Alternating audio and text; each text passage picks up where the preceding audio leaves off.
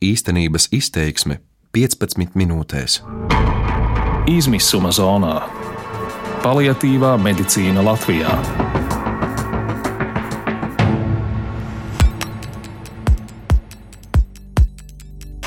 Paliatīvā aprūpe izmisuma zonā iedzen visus iesaistītos. Bieži vien aprūpējot smagi slimu tuvinieku, tu zaudē darbu, neturpini uzkrāt darba stāžu un līdz ar to arī kļūsti sociāli neaizsargātāks un nekrāj savai vecuma pensijai. Kaut neliels atspējs ir atbalsts cilvēkiem ar invaliditāti. Invaliditātes grupa sniegtu, piemēram, finansiālu atspēju, bet tās nokārtošana nereti nav operatīva, lai gan bieži vien tā ir nepieciešama uzreiz. Tad vēl jācer, ka aprūpējumā diagnoze atbilst tam, lai varētu saņemt valsts atbalstu, piemēram, autiņbiksīšu iegādē. Mans vārds ir Kristaps Feldmanis, un šis ir projektam izmisuma zonā veltīts raidījums īstenības izteiksme. Šajā raidījumā mēs skatīsimies, kā ir būt smagi slimu tuvinieka aprūpētājam un kādu atbalstu var gaidīt no valsts puses. Labdien, jā, pie jums! Kādā ķēngaraga apkaimes daudz dzīvokļu mājas piektajā stāvā dzīvo Ināra Bēdiķe un viņas vīrs. Es esmu Aivars Bēdiķis. Aivars Bēdiķis savas dienas aizvada gultā. Viņš ir palietīvās aprūpes pacients. Viņam ir multipla skleroze, kas šobrīd progresējusi tik tālu, ka te jau jebko izdarīt ir izaicinājums. Viņu dien dienā apkopja sieva Ināra un lielu palīdzību sniedz arī ģimene. Sarunā ar Ināru par to, kā ir aprūpēt smagi slimu tuvinieku, mums pievienojusies arī Ināras un Aivara jaunākā dēla sieva Lelde Bediķe. Multiplo sklerozi Aivaram atklāja jau pirms daudziem gadiem, tomēr šobrīd slimība strauji progresē, stāsta sieva Ināra. 12 gadu, kad tieši atklāja, ka viņam ir multipālā skleroze, bet nu, bija jau arī ātrāk viņam problēmas, vienkārši viņa nebija noteikti diagnoze pareizi. No 16. gada viņš ir pirmās grupas invalīds. Un cik sen jau jau tā pamatu dzīve tiek aizvadīta gultā? No pagājušo gadu 4. maija. Nu, tā kā pilnīgi viss jā, vairs neceļās, jo agrāk jā. viņš vēl daudz maz. Pagājuši, kad tad sēdinājām ratiņkrēslā, jā, viņu, viņam arī bija, viņš spēja pats paēst, jau uzlika, tad mm. tagad barot vajag viņu. Nu, kā banānu ieliksim brokā, tad viņš apēdīs jau kaut ko tādu, bet praktiski viņš mm. jābaro ir. Dēla sieva Lelde nokārtojas, ka labdarības organizācija Ziedot LV par labdarības akcijā dod pieci saziedoto naudu palīdz bēdiķu ģimenei, beidzot ir iespēja saņemt atbilstošas nepieciešamās higiēnas preces. Nu, zāles, kas pienākās šai slimībai, tās kompensē, tās ir viss kārtībā. Jā. Bet tikai viņi ir aizmirsuši arī to, ka tie cilvēki arī higiēniski ir jāapkopja, jāmazgā un, un, un, un tas jau ne, nu, jā, man, mati tāpat tās visu. Jā, kad nebija naudas, nopirku bērnu, mitrās sāvits, atbrauc ātrā palīdzību. Ko jūs tur tādām bērnu mitrām sāvitēm, bet pieaugšu, bet viņi 6 eiro maksā, nu nebija to brīdi man ko pirkt, nopirku par eiro 20. Mhm. Tieši tā, tāpat tās taču cilvēks ir svīst, mazgāt visus svaigus. Jā, nav tik vienkārši atnest bļodā, tagad nomazgāt viņu visu. Kamēr Aivars atradās riteņkrēslā, tikmēr atbalsts autiņbiksīšu iegādē bijis 50% apmērā. Tomēr šobrīd Aivars savas dienas aizvada gultā, viņam ir ievietots urīna katetrs un ģimenes ārsts cinārai paskaidrojis, līdz ar katetra ielikšanu autiņbiksītes vairs neapmaksājot. Aivara vedekla Lelde tajā nesaskata nekādu loģiku. Nu, varētu padomāt tā, ka, ja cilvēkam ir ievietots katetrs, tas nozīmē, ka pa lielām vajadzībām tiešām viņš tad neiet vairāk. Nu, kur tad ir loģiski? Ja cilvēka lejas daļa no gurna ir nejūtīga, viņš kurš nekontrolē savus izaisa nekādus, ja? Nu, kā var nelikt pampers tādam cilvēkam? Viņš jau nejūt, viņš jau nekontrolē. Un ar to katetru jau arī nemaz nav tik viegli. Katram cilvēkam tas katetrs reaģēs savādāk. Ir tāpat tās temperatūras, tāpat tās krīt ārā, tāpat kaut kur aizprostot. Jā, un, un, un, un tam visam arī ir vajadzīga garām teka autiņa. Viss tas jau nav tā, ka tu tur ieliec katetru, tagad viss smuki skaisti tek un esam atrisinājuši šo lietu. Un arī ir problēmas, kad viņu aizved uz slimnīcu. Slimnīca transports vajag pašiem meklēt. Mm. Ir bijis, kad 11. vakarā pazvan man no slimnīcas un saka, jūs varat ņemt mm. slimnieku. Es saku, nu, bet viņš ir guļošs, es jau nevaru tā iesēdināt mašīnā. Toreiz slimnīcas darbinieki iedevuši kontaktus kādai kompānijai, kas transportē pacientus un naktī jāvērs nogādāts mājās. Transportu kompensējusi Rīgas doma. Ja ir problēmas ar katetru, piemēram, tā jāieliek vietā, katru reizi reizi Aivars ir jāved uz slimnīcu un atpakaļ. Ja viņam ir problēmas ar to katru, tad mēs izsaucam ātrā palīdzību, atbrauc ātrā palīdzība, bet viņi uz vietas šeit to nedara. Viņi viņu Jā, ved uz nedrīkst. slimnīcu. Viņi Jā. nedrīkst to uz vietas šeit darīt. Viņi ved uz slimnīcu, un tālāk, kā mēs viņu dabūnam atpakaļ, tas jau ir nu, tā kā mūsu jautājums. Uz piekto stāvu Aivars jānes augšā, jo ir gulošs. Kamēr vēl varēja sēdēt, ģimene bija iestājusies rindā, lai mājas kāpņu telpā ierīkot pacēlāju. Rinda pienākusi, kad Aivars vairs nav varējis sēdēt, un līdz ar to arī pacēlājs vairs nav bijis izmantojams. Mēs stāvējām rindā uz pacēlāju. Šogad, janvārī, pienāca rinda. No 16. gada mēs stāvējām uz pacēlāju rindā. Nu, dokumenti. Nu, Vai Aivar, var, nu, viss kārtībā? Nerāda. Emocionāli, viss labi. Piecus gadus gaidījām to pacēlāju, kamēr viņš vēl vedām viņu ārā, braucām pie ārstiem, dēli abi divi nāca ar krēslu, palīdzēja nonest lejā, tad mēs sēdinājām mašīnā un tad vēl kaut cik vedājām ārā. Pieteicām pacēlāju. Tagad, kad cilvēks ir guļošs, visbeidzot ir pienākusi rinda, kur tad mēs to pacēlāju. jā, es atteicos. Es Atteicāmies, teicu, nu, ka, nu, kas var izmantot. Ināra strādā sarkanajā krustā un ikdienā palīdz vēl divu citu cilvēku aprūpē. Tur viņa saņem nelielu atalgojumu. Vēl ir vīra invaliditātes pabalsts un pensija. Ināra ir arī sava vīra aprūpētāja, un par to viņa saņem 261 eiro mēnesī. Tomēr nesen viņai krietni samazināts aprūpē veltīto stundu skaits. Kamēr Aivars bija nu, vēl ratiņkrēslos, kamēr uh, pats kaut ko darīja, viņam aprūpas stundas pienācās bezmaz vairāk nekā šobrīd, kad viņš ir guļošs, nespējīgs, Jā. kad viņam reāli aprūpe būtu vairāk nepieciešama. Šīs aprūpas stundas tiek noņemtas nost. Varētu padomāt to, ka tad, ja viņai ir viņam sieva, tad, tad viņa tepat mājās taisīs sevēst, gan jau arī viņam, viņam iedos ēst. Ja? Leldē tas šķiet netaisnīgi, jo Ināra varētu doties pilnvērtīgi strādāt, un Aivaram būtu cits svešs aprūpētājs, kuram maksātu par ēst gatavošanu, pabarošanu. Tagad noņemtas arī vairākas citas aprūpas darbības. Ināra saka, ka realitātē piešķirtais laiks ir par mazu. Ja man bija pirmās trīs nedēļas dienas četras stundas dot darbam, tad tagad divas ar pus stundas man ir. Nu, pārējās bija trīs.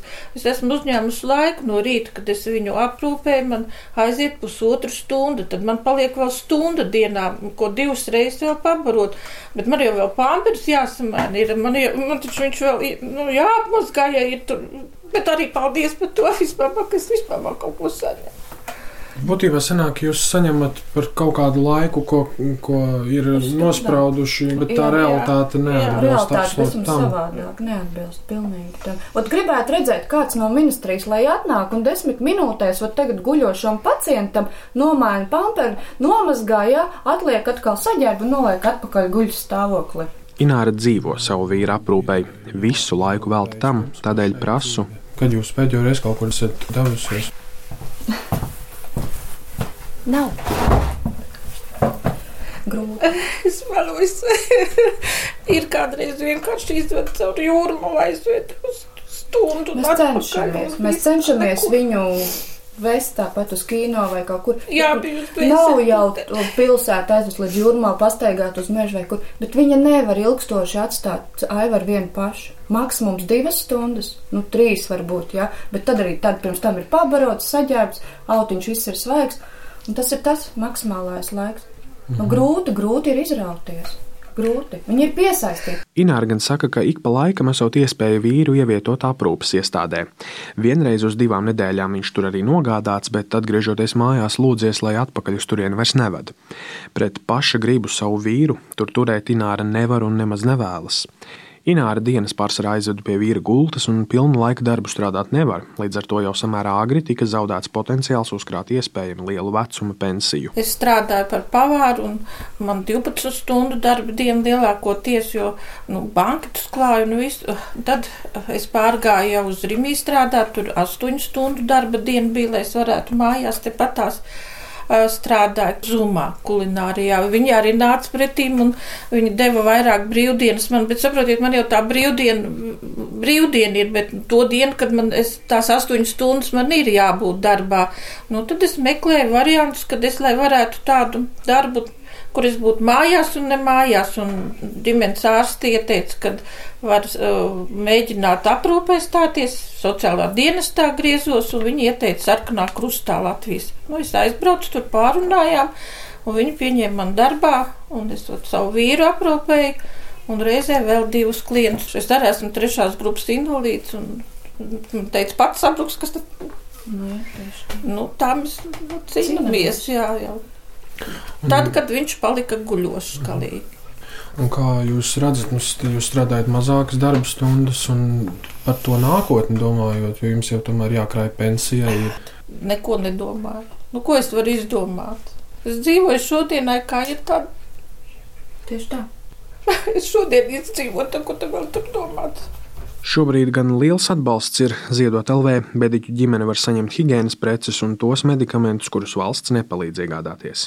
Pagājušajā mēnesī palīdzēju šo mēnesi ar paladziņiem vienreizējiem, ar kopšanas līdzekļiem visiem. Viņam vajag furasols arī kateteru mazgāt. Viņš arī maksā 9,60, 10 nu, paciņas tās. Nu, nu, sveci, jā. Principā mums ir divi virzieni. Viens ir uh, tā kā uz higiēnas lietām, kas ir nepieciešams pampari, tā sāli, cautiņu, biksītis. Un otrs ir, ko viņi tās uh, zāles, kas it kā viņam ir nepieciešams, tas nu, pats furasols, natrija chlorīds, visas tās špricītes, ar ko skalot katetrus, urīnu maisiņas, kas arī maksā brangu naudu, nu, jā, nu, bet to, diemžēl, nekompensē. Pat tas gēls ir pēdējo reizi, es pati pirku 22 eiro, 10 maksā. Nu. Un te nu mēs esam divus mēnešus, jo ziedot vēl ir. Jā. Kā saka, mamma vismaz dabūja sev jaunas drēbes, vismaz nopirkt mēteli ziemā, bet no ziemas šobrīd nav. Pavasarī, ah, pavasarī, jā, nu tā kā nu, vismaz kaut kāda tāda nieciņa. Šobrīd Saimnes Sociālo un darba lietu komisija uzdevusi Labklājības un veselības ministrijām risināt dažādus jautājumus, kas skar paliatīvās aprūpes pacientu un viņu aprūpētāju dzīves. Piemēram, kā nodrošināt darba nezaudēšanu aprūpētājiem vai kā strauji nokārtot invaliditātes grupu. Veselības ministrijas ārstniecības kvalitātes nodaļas vadītājs Sanita Janka skaidro, šos jautājumus jau drīzumā ir paredzēts risināt. Mēs uh, organizēsim tikšanos, kurā piedalīsies Labklājības ministrijas pārstāvi, veselības ministrijas pārstāvi. Pieaicināsim arī Rīgas domu, ņemot vērā, ka tā ir lielākā pašvaldība.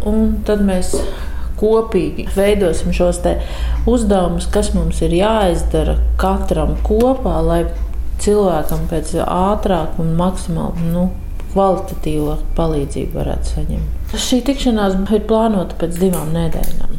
Labklājības ministrija arī gaida tikšanos, lai izrunātu atbildības sfēras pieaugušo palietīvās aprūpas nodrošināšanā. Ministrijas parlamentārais sekretārs KPVLV biedrs Krišs Lipšāns atzīst, šobrīd skaidrības nav. Kad tā tiks gūta, varēs strādāt arī pie invaliditātes grupas operatīvas piešķiršanas. Mēs apzināmies visu šo situāciju, kad viņi ir diezgan nesakārtot attiecībā uz uh, pieaugušo palietīvo aprūpi. Respektīvi, pat īsti nav skaidrs starp institucionāli, kas tad īsti ir šī paliatīva aprūpe. Un līdz ar to arī e, tiksim, mijās un varbūt tās rodās nesaprašanās par kompetences sadalījumu.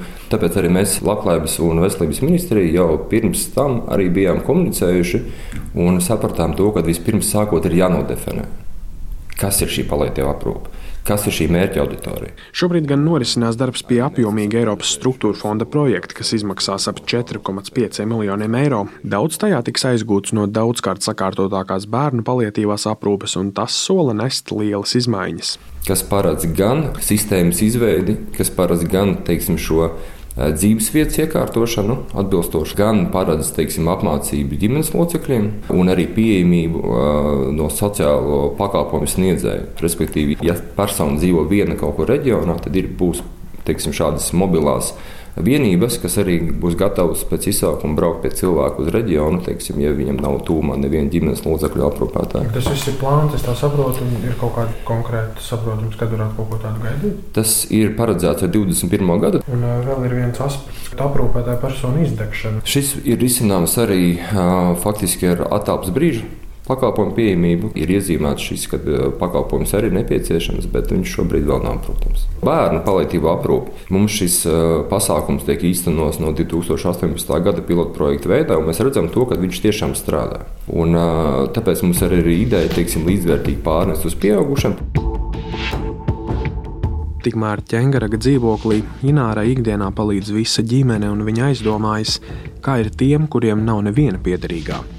Novērst Taivara domas no realitātes ikdienā palīdz pat mazmeita. Pēc skolas nāk viņu, viņu ar Spēlē, jā, dambra, spēlē. tad kaut kāds Viņš rū- iemācīs, Jā. viņu ļoti, viņš kā nāk tā vienmēr saka, čau, opi, kā Jā, tev tur. jā. Tad viņi ielien gultā, tad viņi kaut ko tur matemātiku rēķina. Nu, uztur Droši viņu vien jau pati varētu, viņa labi mācās, bet viņa saka, no, op, šoreiz vajadzētu matemātiku palīdzēt. Jā, Nu, jā. Nu, tā kā uztur pie tā. Bet Ināras aprūpētais pieredzē ir arī virkne pozitīvu gadījumu.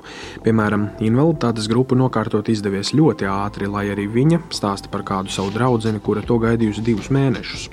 Tāpat paveicies ar atbalstošo aprūpes personu. Ģimenes ārsta māsiņa esot ļoti atsaucīga, pilda savus pienākumus, maina katetru, liekas sistēmas un ņem asins analīzes. Tāpat māsiņa iemācījusi dažādas pamata aprūpes darbības tuviniekiem, un Ināra par cik ir aprūpētāja sarkanajā krustā ir apgūusi īpašu aprūpes kursu.